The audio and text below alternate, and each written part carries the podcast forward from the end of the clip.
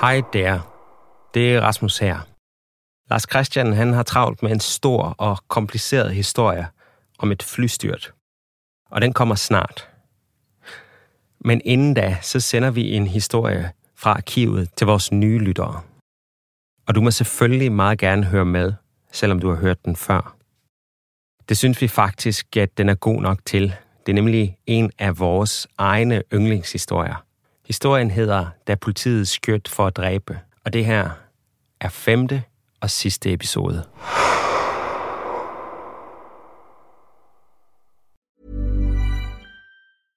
Jewelry isn't a gift you give just once. It's a way to remind your loved one of a beautiful moment every time they see it. Blue Nile can help you find the gift that says how you feel and says it beautifully with expert guidance and a wide assortment of jewelry of the highest quality at the best price. Go to BlueNile.com and experience the convenience of shopping Blue Nile, the original online jeweler since 1999. That's BlueNile.com to find the perfect jewelry gift for any occasion. BlueNile.com. Hey, it's Ryan Reynolds, and I'm here with Keith, co star of my upcoming film, If, only in theaters, May 17th. Do you want to tell people the big news?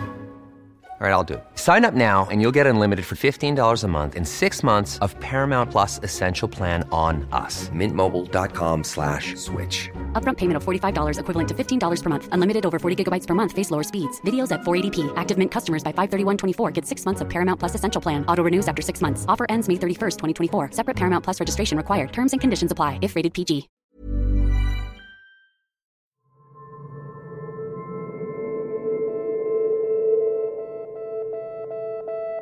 Og Norge er et lite, fredelig land. Eh, og jeg visste hvor mye det skulle til før en politimester i en liten by som heter Larvik i Vestfold, skulle ta beslutningen om, om et tilslag i en sånn bil, hvor det sitter altså seks mennesker trengt sammen i en liten personbil. Den 1. oktober 1994 skrev Aftenposten i en leder. Det profesjonelle nivået i politiet sitt arbeid i denne saken har betydning langt videre enn Larvik-distriktet. Det vil være vanskelig for hardkokte forbrytere å betrakte Norge som et fristed for kriminell aktivitet. Vi har stadig bruk for politimester Bastian, og foretrekker at politiet følger hans mønster. Men sånn er verden ikke.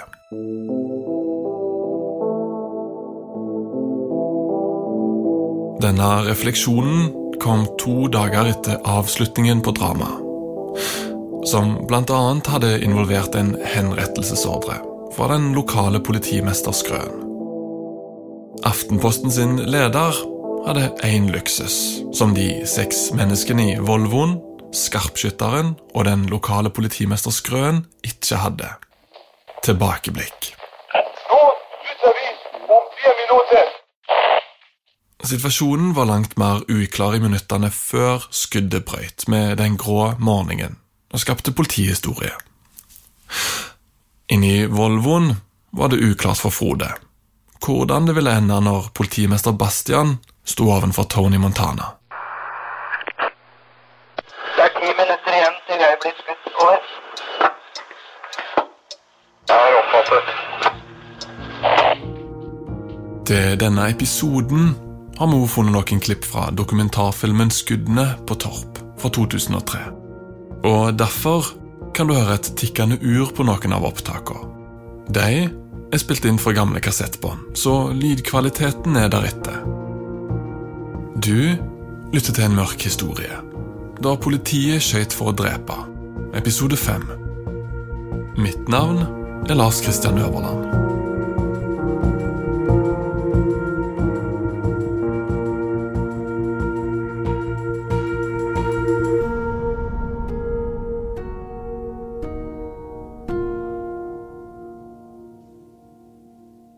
Vi forlot Frode Anmarkrud i forrige episode, var en vanskelig situasjon blitt verre.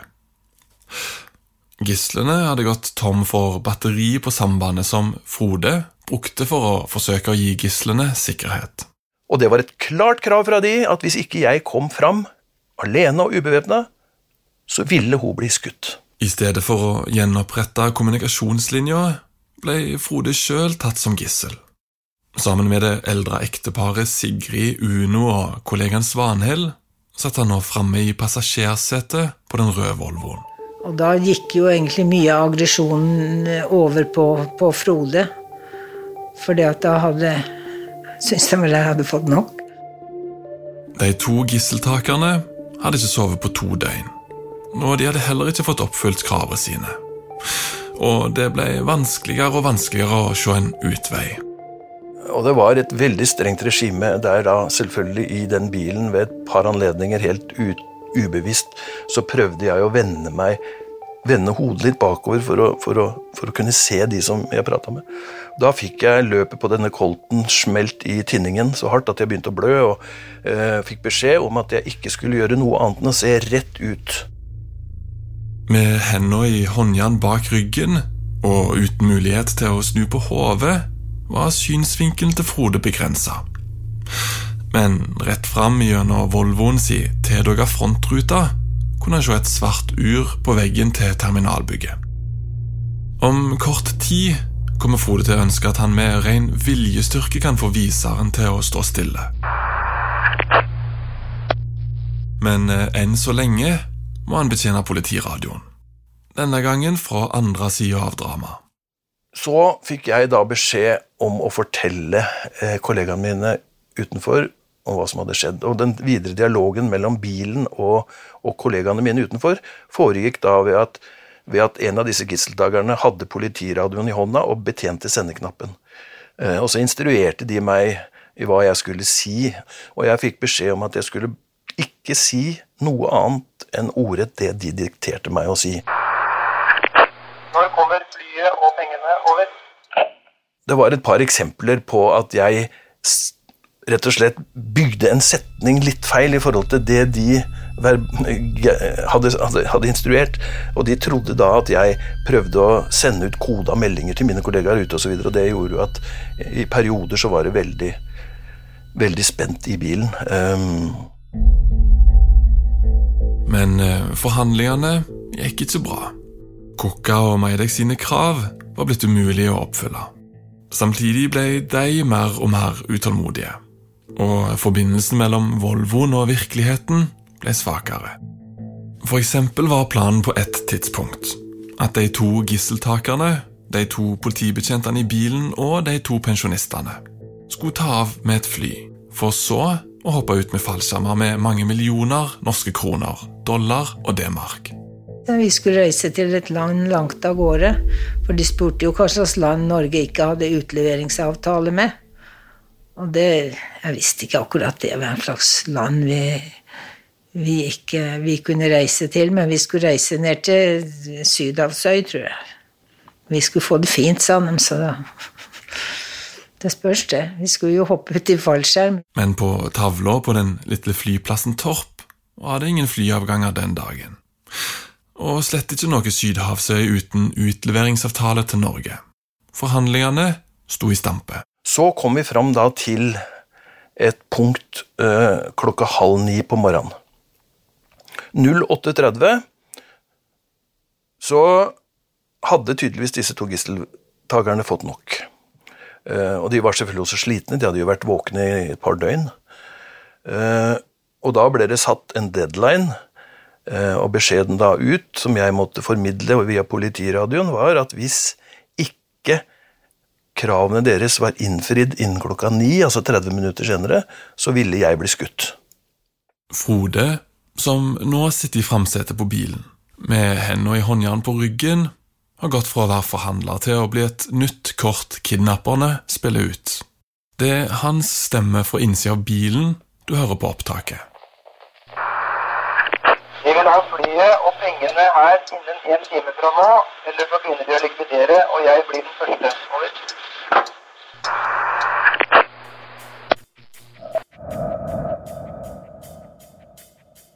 Og så begynte da denne nedtellinga de siste 30 minuttene som, som, som, jeg husker veldig godt. Kanskje spesielt fordi at på veggen av terminalbygget rett i front av bilen der hvor jeg satt, der hang det ei diger klokke. Og denne klokka, husker jeg, som en diger eh, veggur, den hadde da eh, en, en, en minuttviser som, som spratt ett og ett minutt. Eh, og den hang altså på denne, denne svære veggen på terminalbygget, bare kanskje en seks, sju, åtte meter fra meg. Så jeg hadde jo alle muligheter til å følge med på tida som gikk. Og sjeldent har en deadline vært mer bokstavelig enn de 30 minuttene som Frode nå fikk tildelt. Uh, og det var mange ting i den siste halvtimen der som illustrerte veldig godt at dette her var alvor. Uh, og alle vi og jeg ikke minst forsto det veldig godt. For eksempel så hadde jeg i disse timene som hadde gått, da sittet i passasjersetet foran med bagen med dette ransutbyttet på gulvet, altså mellom beina mine. Og av en eller annen grunn så var ikke den glidelåsen på den bagen var ikke dratt igjen. Sånn at jeg satt der i disse timene og kikka rett ned i masse, masse penger. Og når klokka ni begynte å nærme seg, så var det f.eks. en sånn enkelt liten detalj som var at den ene da bøyde seg fram mellom forsetene og dro igjen glidelåsen på denne, denne bagen, gummierte bagen, og dytta den helt oppunder dashbordet på bilen, altså, og vekk fra mine bein. Og alle forsto at det var for at ikke jeg skulle grise til ransutbytte med blod når jeg ble skutt. For alle som var på Torp, var det tydelig at de siste dagers inferno var kommet til siste akt. Innsatsen var høyna så høyt at det var umulig å trekke seg. Hva det her skulle kulminere i, var det ingen som visste. Men pressen gjorde alt det de kunne for å være så tett som mulig på når det skjedde. Problemet var at der var jo så mye politioppbud der og da at eh, det var ikke mye, vi hadde ikke sjans til å komme i nærheten av terminaler eller noen ting. Så vi måtte bare stoppe der og, og avvente, og det måtte jo alle de andre også som kom. Jeg ble da bedt om å si på radio nå er det 15 minutter til jeg blir skutt. Så gikk de ned til 10 minutter, husker jeg. Når jeg tror klokka kanskje var 10-12 minutter, minutter på ni, så foreslo jeg at jeg, jeg anmoda de om i første omgang å skyte meg i låra. Uh, selvfølgelig fordi jeg gjennom det ville ha en mulighet til å overleve. Og jeg formidla til de også at jeg tror kanskje at det vil få mine kolleger der ute til å forstå at dere virkelig mener alvor, hvis dere skyter meg i låra i første omgang. Eh, og da, og da bare flira de og lo og spurte meg igjen om jeg ikke tok de på alvor, og, og så videre. Og så var det vel fem minutter igjen. Og når jeg sa fem minutter, så, så ola, meg, ola jeg meg litt annerledes, for jeg visste jo at politiet og beredskapstroppen var etablert, og at de, jeg visste jo at det lå skarpskyttere og så på meg gjennom kikkertsiktene. Jeg visste jo at det var tilstrekkelig med ressurser til stede på Torp. Men jeg visste jo ikke om Altså, jeg visste hvor langt hvor langt veien var for en norsk politimester til å fatte en beslutning om et sånt tilslag jeg tror de aller fleste politimestere i Norge på den tiden ville ha kryssa fingrene og håpa på at det, dette skulle gå bra, til tross for truslene. Politiets beredskapstropp lå klare, og det var nå mindre enn fem minutter til Frode Anmarkrud skulle drepes. Allikevel var ikke han sikker på om de maskerte skarpskytterne som lå gjemt i trærne, faktisk kom til å trykke på avtrekkeren. Eh, jeg visste at det kom til å gå liv i et sånt tilslag. Jeg visste at det ville bli brukt skarpskyttere. Og Norge er et lite, fredelig land. Eh, og jeg visste hvor mye det skulle til før en politimester i en liten by som heter Larvik i Vestfold, skulle ta beslutningen om, om et tilslag i en sånn bil, hvor det sitter altså seks mennesker trengt sammen i en liten personbil. Eh, uten nesten noe avstand imellom seg. Eh, ute på en stor asfaltert parkeringsplass på Sandefjord lufthavn Torp uten noe mulighet for skjult ankomst, f.eks.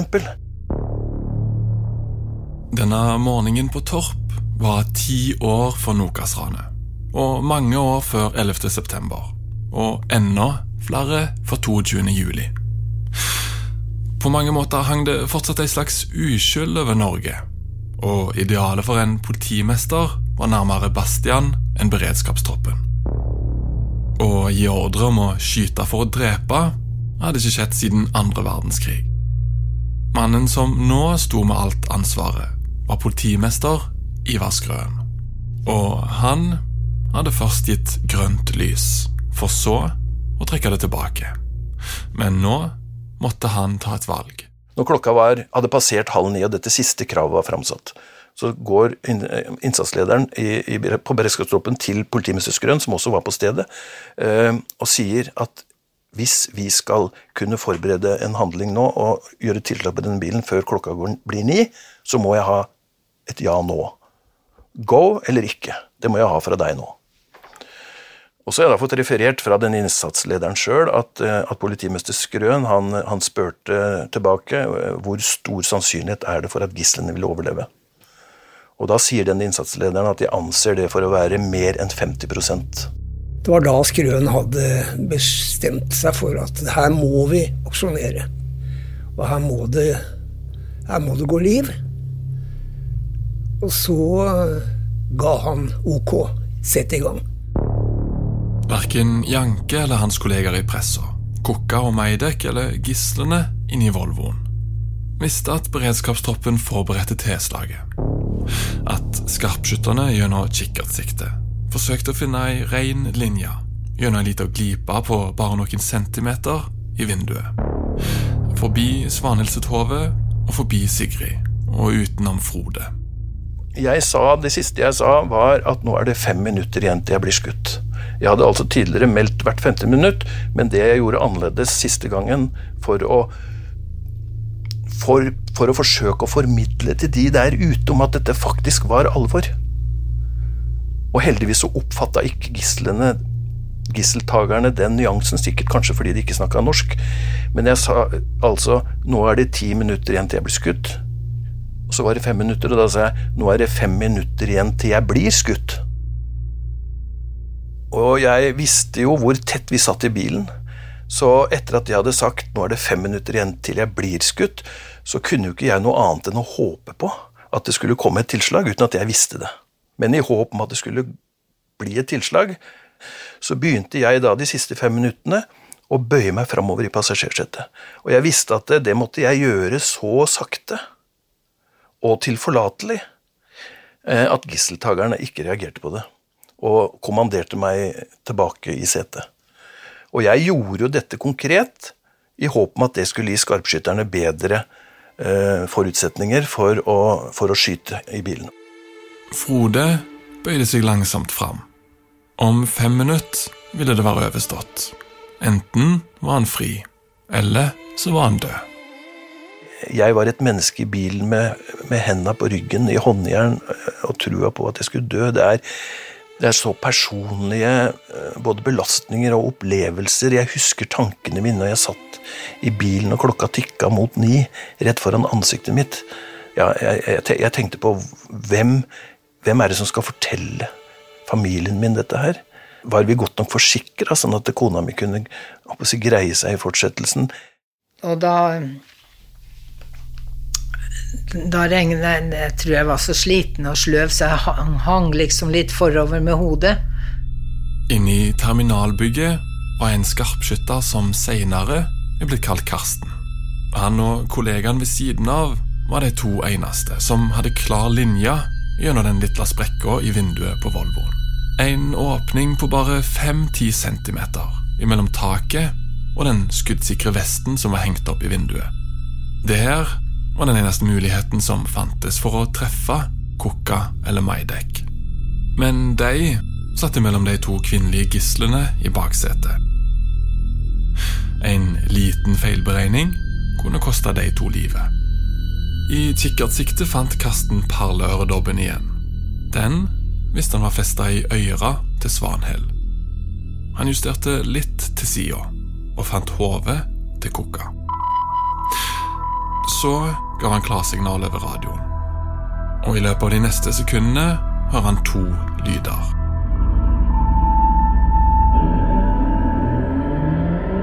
Brølet fra den svarte pansra Mercedes-gelendervagen. Deretter ordren om å skyte. Så trykte han på avtrekkeren. Parallelt med det Så gikk jo selvfølgelig døra til terminalbygget opp, og det storma mannskaper mot bilen fra det, fra det terminalbygget. Så var da uh, umiddelbart etter gelendevagen framme ved bilen og krasja i full fart rett inn i fronten. Noen sekunder før den svarte Mercedesen smalt inn i den parkerte Volvoen, hadde Kukka sitt hode allerede eksplodert. Vi satt vel ikke mer enn ti centimeter unna hverandre med hodet. Jeg hadde så lite greie på hva beredskapstroppen egentlig kunne så skulle klare seg. Jeg tror jeg hadde aldri trodd at de skulle klare å treffe noen gjennom det lille hullet. Og i løpet av de neste fem sekunder eksploderte hun røykbomber og stuntgranater.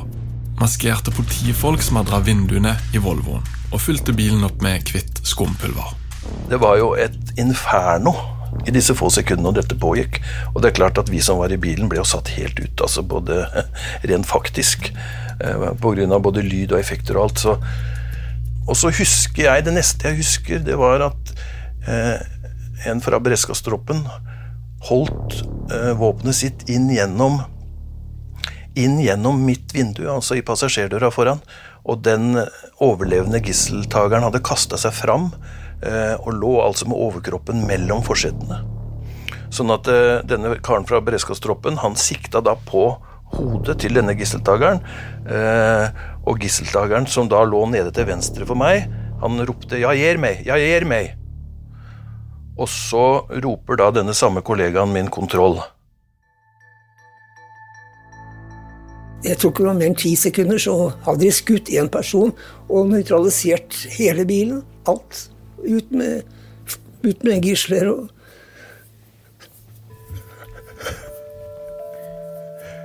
jeg, må le for Det er sånn i ettertid så er det, det, er, det er en ren sånn som du ser på TV. Sånn skikkelig action. Og så vet du at dette har du vært med på. Det er litt rart å tenke på. Den eneste som kanskje hadde overblikk over situasjonen, var en fotograf fra VG. Han sirkla fortsatt over flyplassen i helikopter, og når røyken hadde lagt seg, så han rett ned på den kondemnerte Volvoen til Uno, tilsølt av Kukka sitt blod som dryppte ned på asfalten, hvor den livløse kroppen lå på bakken.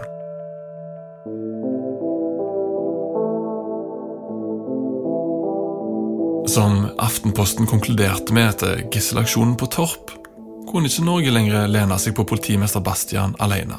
Og i møte med de to mennene som kalte seg for Tony Montana, var noe blitt endra.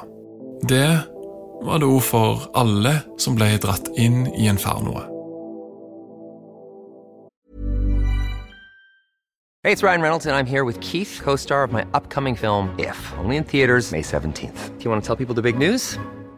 All right, I'll do it. Sign up now and you'll get unlimited for $15 a month in six months of Paramount Plus Essential Plan on us. Mintmobile.com slash switch. Upfront payment of $45 equivalent to $15 per month. Unlimited over 40 gigabytes per month. Face lower speeds. Videos at 480p. Active Mint customers by 531.24 get six months of Paramount Plus Essential Plan. Auto renews after six months. Offer ends May 31st, 2024. Separate Paramount Plus registration required. Terms and conditions apply if rated PG. Jewelry isn't a gift you give just once. It's a way to remind your loved one of a beautiful moment every time they see it. Blue Nile can help you find the gift that says how you feel and says it beautifully with expert guidance and a wide assortment of jewelry of the highest quality at the best price. Go to BlueNile.com and experience the convenience of shopping Blue Nile, the original online jeweler since 1999. That's BlueNile.com to find the perfect jewelry gift for any occasion. BlueNile.com. Millions of people have lost weight with personalized plans from Noom, like Evan, who can't stand salads and still lost 50 pounds. Salads, generally, for most people, are the easy button, right? For me, that wasn't an option. I never really was a salad guy. That's just not who I am. But Noom worked for me. Get your personalized plan today at Noom.com. Real Noom user compensated to provide their story. In four weeks, the typical Noom user can expect to lose one to two pounds per week. Individual results may vary. Even on a budget, quality is non-negotiable. That's why Quince is the place to score high-end essentials at 50 to 80% less than similar brands. Get your hands on buttery soft cashmere sweaters from just 60 bucks, Italian leather jackets, and so much more. And the best part about Quince, they exclusively partner with factories committed to safe, ethical, and responsible manufacturing. Elevate your style without the elevated price tag with Quince. Go to quince.com slash upgrade for free shipping and 365-day returns. Hvordan har det gått med disse folka etterpå? Nei, det, var, det er klart det har vært en påkjenning for disse som var implisert. Det er ikke tvil om det. Det er helt klart. Det, er, det setter sine spor. Heldigvis gikk det ikke flere liv enn kokka sitt. Maidek ble stilt for Agder lagmannsrett, og i 1995 ble han funnet skyldig på alle tiltalepunktene og dømt til 15 års fengsel. Et av tiltalepunktene var overlagt drap. Med andre ord la retten til grunne at de to ranerne og kidnapperne hadde tenkt til å skyte Frode. Hvordan var Maidek under rettssaken? Eh, den ene dagen så eh, kunne det være veldig, veldig rolig og liksom behersket og ikke noe utbrudd. Noen andre ganger så satt han bare og flirte når det var et vitne som skulle fortelle noe. Det var liksom hånlig. Så det var veldig forskjellig opptreden. Det var liksom sånn to, tosidig. Jeg har vært i Sverige og møtt Maidek, og han fikk tilbud om å fortelle sin historie. Da han slapp ut på tiårsdagen for dommen, studerte han psykologi. Men Svensk psykologiforening ville ikke gi han bevilgning etter endt studier. Rundt samme tid som dette sto på spill, tikka det inn en e-post i innboksen til Frode og Svanhild. Jeg fikk en e-post fra han hvor han For han ville jo gjerne beklage det som hadde skjedd, og han hadde aldri tenkt å Han hadde ikke Hensikten hans var ikke å skyte noen. Og at han hadde det bra, og at jeg hadde sagt en gang at han var en snill Han så Jeg vet ikke om han skrev det, men det var, jeg hadde i hvert fall sagt at han så ut som en snill gutt. Om han kunne få det skriftlig. For han skulle legge det fram for, ja, for et eller annet. Ehm, så jeg skrev jeg bare tilbake at jeg, takk for omtanken. Det var aldri fordi om han så ut som en snill gutt, så var han jo ikke noe snill gutt, følte vi. Og Frode og jeg ønska han lykke til videre. At ikke var noe vits å ta kontakt med meg mer, for jeg hadde ikke noe mer å føye, tilføye. Maidek sa seg villig til å stille til intervju, men ville ha 70 000 kroner. I dag har han et ganske vanlig liv, med en ganske vanlig jobb og et nytt navn. På den ene sida kan jeg godt forstå at han vil ha noe igjen for å fortelle historien sin. Men vi kan av prinsipielle årsaker selvsagt ikke stole på svaret til noen som får betalt for de. Dessuten er det noe grunnleggende feil med at alle ofrene skal stille gratis i en historie, mens den som gav de traumene, skal ha betalt. Forhandler Frode Anmarkrud, som avslutta historien i håndjern i framsetet på Volvoen, var på jobb neste arbeidsdag. Men to uker etter alt sammen løsna store hudflak fra innsida av håndflata. Ifølge han sjøl var det som om alt stresset i ettertid kom ut i de bakbundne hendene. Men for Frode så var dramaet ikke helt over når han forlot Torp lufthavn. Så gikk det en ukes tid etter dette tilslaget, og jeg var i full jobb og fungerte greit på, på alle vis. Så husker jeg det var en litt sen ettermiddag. Jeg var hjemme, og jeg, tror, jeg var som sagt tobarnsfar på den gift tobarnsfar. Så registrerer vi at det kommer politibiler med blålys uh, i full fart og skrenser rundt og ned og inn på tunet foran, foran huset vårt. Og vi får beskjed om å bare ta med oss det aller nødvendigste og komme oss inn i bilene. Og det gjør vi, og vi blir kjørt da inn på Sandefjord politistasjon, jeg og kona og ungene. Uh, og der er Ivar Skrøn. Det som ikke kunne eksponeres på den tiden, og derfor er dette kommunisert veldig lite. Altså ingenting, egentlig, i media. Men østerriksk politi hadde en stor etterforskning mot et kriminelt miljø i Østerrike. Det vi ikke visste, det var at hvert fall en av de gisseltakerne fra Torp hadde en tilknytning til dette miljøet i Østerrike. Så østerriksk politi sitter da i Østerrike og følger med på telefonlinjene der nede. Og så fanger de plutselig opp en telefonsamtale imellom en av disse i dette miljøet i Østerrike og en, en, en, person i Sandefjord i Norge. Og i den samtalen mellom disse to kriminelle kommer det fram at de allerede har hatt en mann fra dette miljøet i Sandefjord noen dager. Og han hadde brukt tida godt. Han forklarte at han hadde kartlagt hvor jeg bodde, hvor jeg eh, jobba, eh, hvor barna mine gikk på skole. Han hadde til og med stått bak meg i køa på butikken, fortalte han. Når østerriksk politi informerte norsk politi om det, så var det det som initierte evakueringa av meg og min familie, selvfølgelig. Fordi det var da folk på vei til Norge, kom det fram, for å, for å ta meg. Uh, og jeg var da i trygghet, og min familie ble da i fortsettelsen transportert til fjells, hvor vi levde med politibeskyttelse i flere uker. Attentatet mot Frode ble aldri gjennomført. Politiet sin teori var at de kriminelle fra Østerrike droppa det, da de fant ut at det ikke var Frode sin avgjørelse å skyte Kokka. Allikevel tok ikke politimester Skrøen noen sjanser. Og igjen Ivar Skrøen, som den handlingens mann han var, han, han ga meg bevæpningstillatelse når jeg var tilbake fra fjellet, så jeg gikk faktisk da med våpen under armhulen i nesten et år. Eh, og var bevæpna i alle sammenhenger, og det var en merkelig greie å f.eks. sitte og spise pizza med unga sine og være bevæpna. Men eh, jeg tror nok jeg tør påstå at den siste hendelsen der, eh, rundt akkurat det som skjedde en uke etter, var en større belastning for kona mi og min familie egentlig enn den opprinnelige hendelsen var. Så vi bodde ikke i det huset så veldig lenge etter det, for det etablerte seg en sånn utrygghetsfølelse, spesielt hos kona mi, knytta til det huset pga. det som hadde skjedd. Sånn at eh, hun ble aldri mer trygg i det huset det er veldig mye som blir endra. Altså dette er ikke noe jeg det er ikke noe jeg sier aleine. Jeg har hørt masse mennesker som på en måte har vært on the edge. De har jo sagt det samme som meg. Altså at det er mye som endrer seg i, i hodene. Det er andre typer verdier som blir viktig. Når man ser alt i ettertid, så, så ble jeg et bedre menneske er du fortsatt macho? Nei, ikke på noe vis. Det er ikke det. Da posten på Østre Halsen åpna igjen, fikk Larvik sine borgere skattepengene sine utbetalt. Men for Frøydis Borgen, som ble overrumpla da hun skulle skru på radioen, og seinere fikk en Colt 45 inn i munnen, ble hverdagen ikke helt den samme. Hun ble først omplassert til en kontorjobb, før hun ble uføretrygda.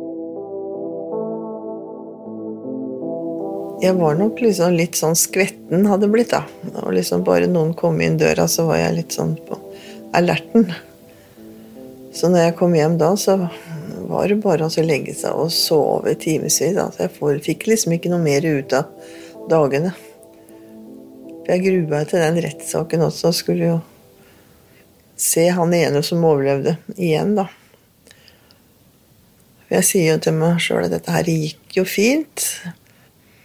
Men de som er rundt meg, sånn som dattera mi, også en venninne som bodde ved siden av, sånn, de merka at jeg var veldig forandra en periode, da.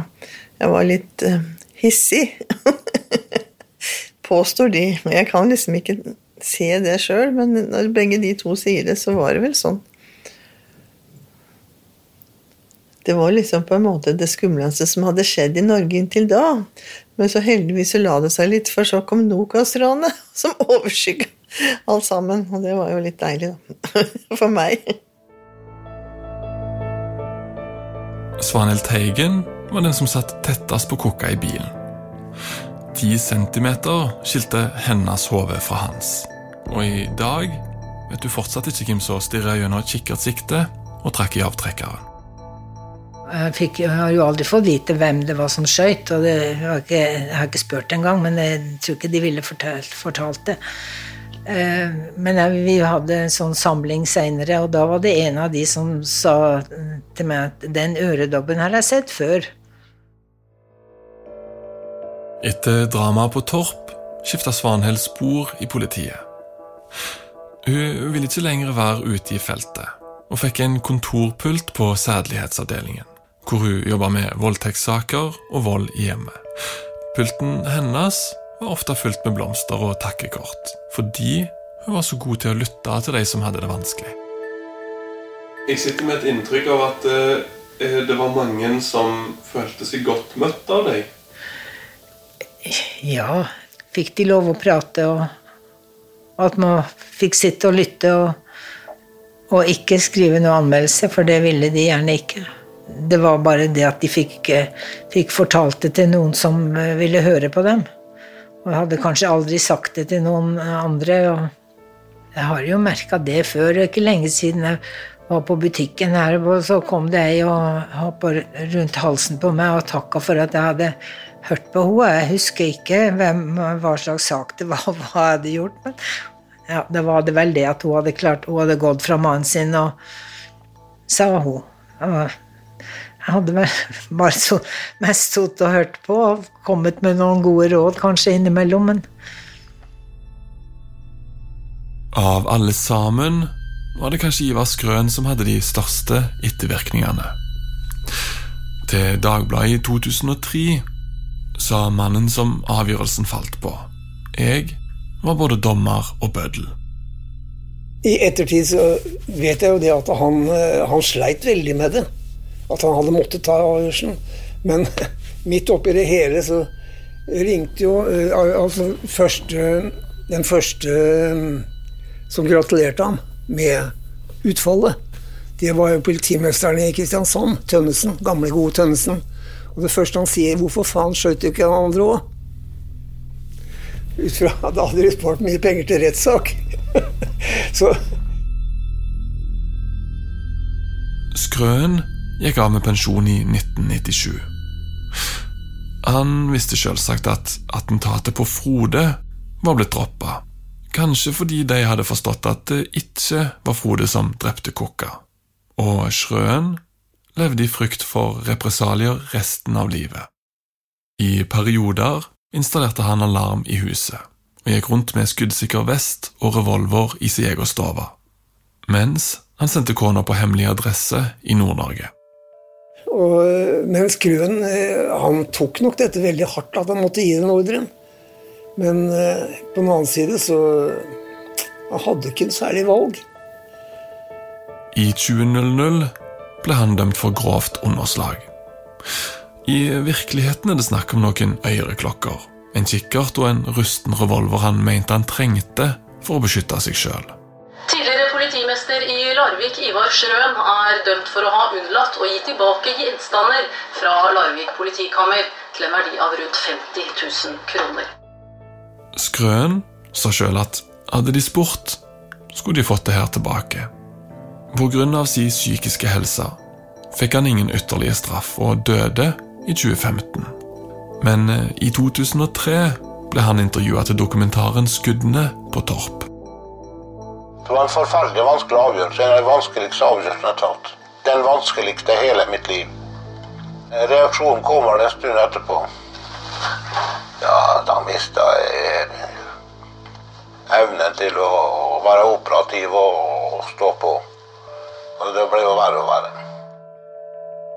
Du husker kanskje òg at snekkeren Jan Erik Slåtta var på taket for å bygge ferdig kvisten dagen etter han hadde vært kasteball mellom ranere og politi. Og akkurat som da han var gissel, måtte han klare seg sjøl i ettertida. Ja, jeg så meg la det hagle under senga på en måte i tilfelle det skulle skje et eller annet. da. I og med at de hadde kontakter der ute, og jeg leste det jeg leste i avisene.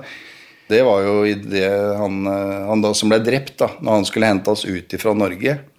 Så jo, var det jo flere av politiene, politimesteren og flere av de andre involverte politiene, som ble da brakt av gårde på hemmelig adresse. Eh, og der satt jeg med min familie aleine ute i Brunlandnes her, da, med mest eh, jorder rundt meg og svært få naboer, og det var høsten og det var mørkt. Og jeg spurte politiet om jeg kunne få noe slags beskyttelse, da. Men eh, det, det, var ikke noe De mente det at det var ikke noe vits i at jeg hadde. Så da måtte jeg bare akseptere det. Så jeg jeg lå rett og slett med ladd hagle under senga en god periode. Og jeg husker jeg våkna en natt, og det, det singla i glass. Så tenkte jeg nå, nå kommer jeg. Og så husker jeg Da hadde jeg bare trusa på meg, da, men jeg husker jeg greip tak i hagla, og så gikk jeg ned trappa for å møte de på en måte i trappa, da, i tilfelle. Og da så så jeg glasskåra. De, de var fra et bilde da, som hadde dette ned i gangen. Så da Det var en litt stressende situasjon, altså. Ja. Vi har ikke funnet ut om Uno Fyr fikk Volvoen sin tilbake. Men eh, vi vet at siste eierskifte skjedde i 2014. Før den ble vraka igjen samme år. Den kjørte altså rundt på norske veier i 20 år etter innsatsstyrken krasja inn i den. Det er uvisst om den siste eieren kjente historien til bilen. Um, hadde du noe kontakt med deg ekteparet etterpå? Ja, jeg hadde, var flere ganger og besøkte de etterpå. Årsdagene til det som skjedde, så dro jeg gjerne opp til dem og hadde en blomst med og prata litt med dem. Og de er jo døde begge to nå. Jeg har vært i begravelsen til begge. De unnskyldte dem jo litt, i hvert fall han som overlevde, og syntes at han hadde fått litt streng straff. men jeg diskuterte ikke det med dem, men vi tok ikke opp sånne, men, sånne ting. Men, men, hva tenkte du om det når du fikk høre det? At de syntes at det var litt streng straff? Ja, nei da, De hadde vel kanskje ikke følt det sånn som jeg følte det, da. For jeg ble jo, ble jo eh, tatt med ned og behandla ganske hardt, egentlig. Og de, de hadde vel ikke de samme ja, de fikk vel ikke de samme følelsene for dem, og hun påsto i hvert fall at de, hun kona at de hadde aldri følt seg trua at de skulle bli tatt livet av, sånn, selv om de Man kunne jo ikke vite hva som skjedde. De måtte jo betale, han ene med sitt liv, og han andre satt jo inne mange år, da.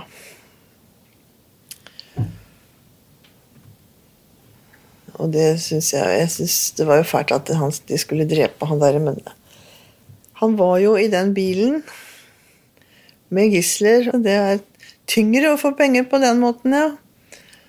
Fy a meg. Men det var bedre at de hadde fått seg en jobb og tjent vanlig. Så hadde de klart seg, de òg. Og sånn er det vel med han ene nå, da, at han har kommet til sans og samling, så vidt jeg har forstått. Du har hørt på en mørk historie. Da politiet skøyt for å drepe. Femte og siste episode. Historien er produsert av Lars Christian Øverland og Rasmus Spitz for Third Air Studios. Lydmiks av Gustav Sondén. Med i redaksjonen er jo Nora Brøndseth. Ansvarlige produsenter er Joel Silberstein Hont og David Mehr på Third Air Studios. En ekstra takk til Hans Lukas Hansen med hjelp til produksjonen. Og vi kan varmt anbefale hans TV-dokumentar 'Jakten på tonetreet'. Det er den beste norske TV-dokumentaren vi i redaksjonen har sett på lenge. Av en eller annen grunn er den bortgjemt i spilleren til NRK. Men du finner den om du søker på 'Jakten på tonetreet'.